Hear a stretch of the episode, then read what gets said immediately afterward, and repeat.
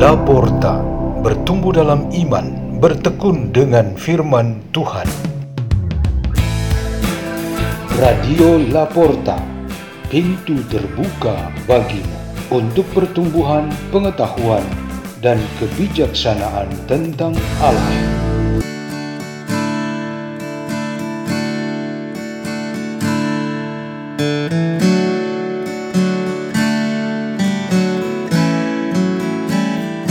Bacaan dan Renungan Sabda Tuhan Hari Kamis Pekan Biasa ke-34 24 November 2022 Peringatan Santo Andreas Dunglak dan rekan-rekan Martin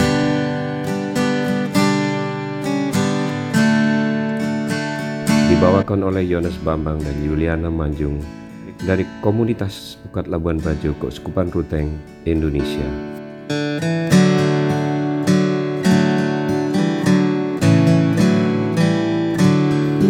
Injil suci menurut Lukas.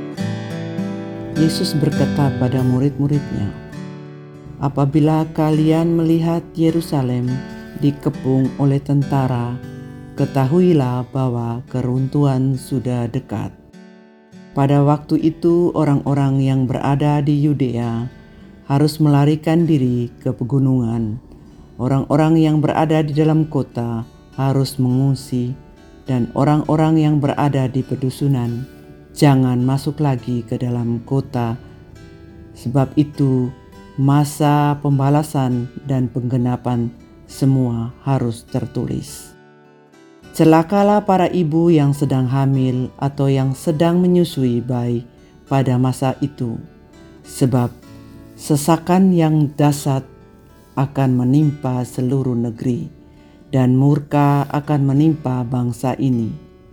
Mereka akan tewas oleh mata pedang dan diangkat sebagai tawanan ke segala bangsa.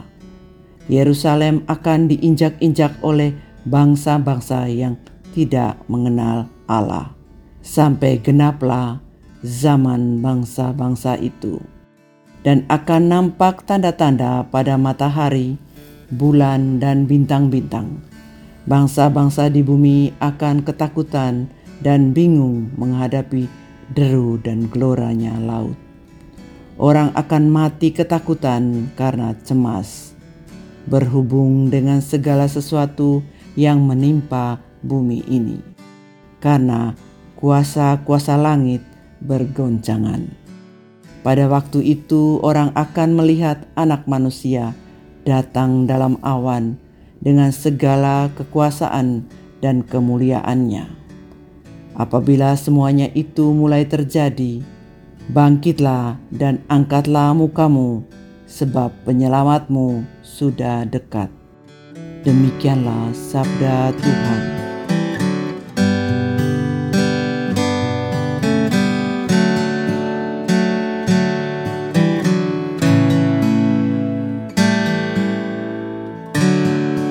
Renungan kita pada hari ini bertema Kejatuhan Kota Dunia.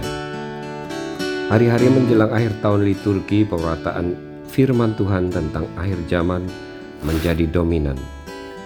Kitab Wahyu yang ditampilkan dalam bacaan pertama memberikan gambaran berupa imajinasi masa depan yang cenderung menampilkan gejala alam yang sangat dahsyat.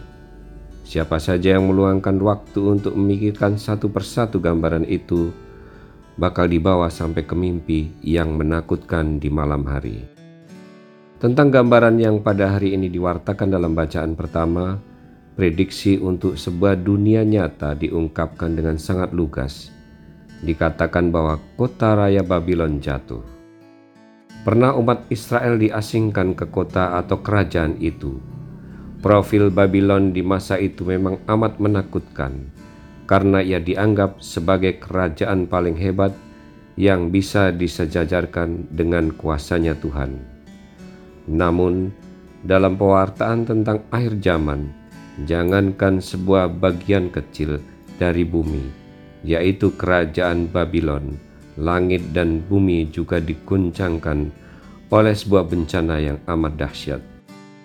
Babylon yang jatuh dan hancur merupakan gambaran nyata bagi kerapuhan kesementaraan, kefanaan semua kekuasaan di dunia, dan mewakili semua kemegahan kota-kota atau bangsa-bangsa di dunia. Yesus dalam pengajarannya juga meyakinkan pendengarnya bahwa kota suci Yerusalem akan mengalami saat suram yang sangat memalukan. Ia akan diinjak-injak oleh para bangsa asing, dan dengan berakhirnya kerajaan di Yerusalem sekitar pertengahan abad ke-1. Selesai juga zaman bangsa-bangsa lain.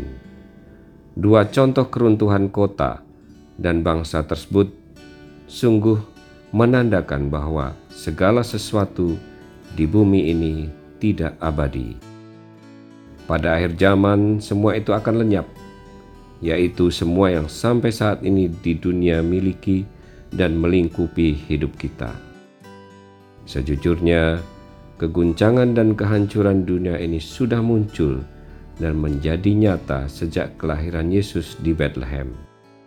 Penubuatan tentang Dia jauh sebelum oleh para nabi sudah cukup membuat orang-orang penasaran dan cemas. Yang merasa guncang amat mendalam ialah Herodes dan seterusnya semua pihak yang berada dalam arus yang tidak menerima Yesus sebagai Mesias sebenarnya dari Bapa. Sebagai jawaban Allah atas penolakan tersebut, maka akhir zaman kota-kota, bangsa-bangsa, dan para penguasanya akan dibuat tidak berdaya. Mereka yang tetap tidak menerima Yesus akan mendapatkan hukuman yang kekal.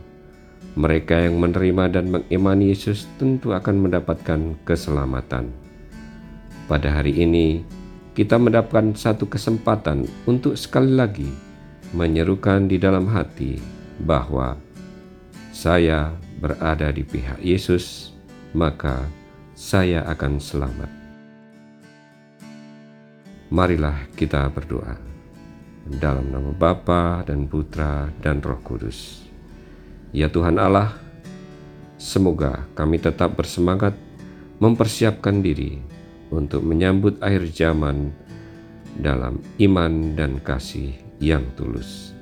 Salam Maria, penuh rahmat Tuhan sertamu. Terpujilah engkau di antara wanita dan terpujilah buah tubuhmu Yesus.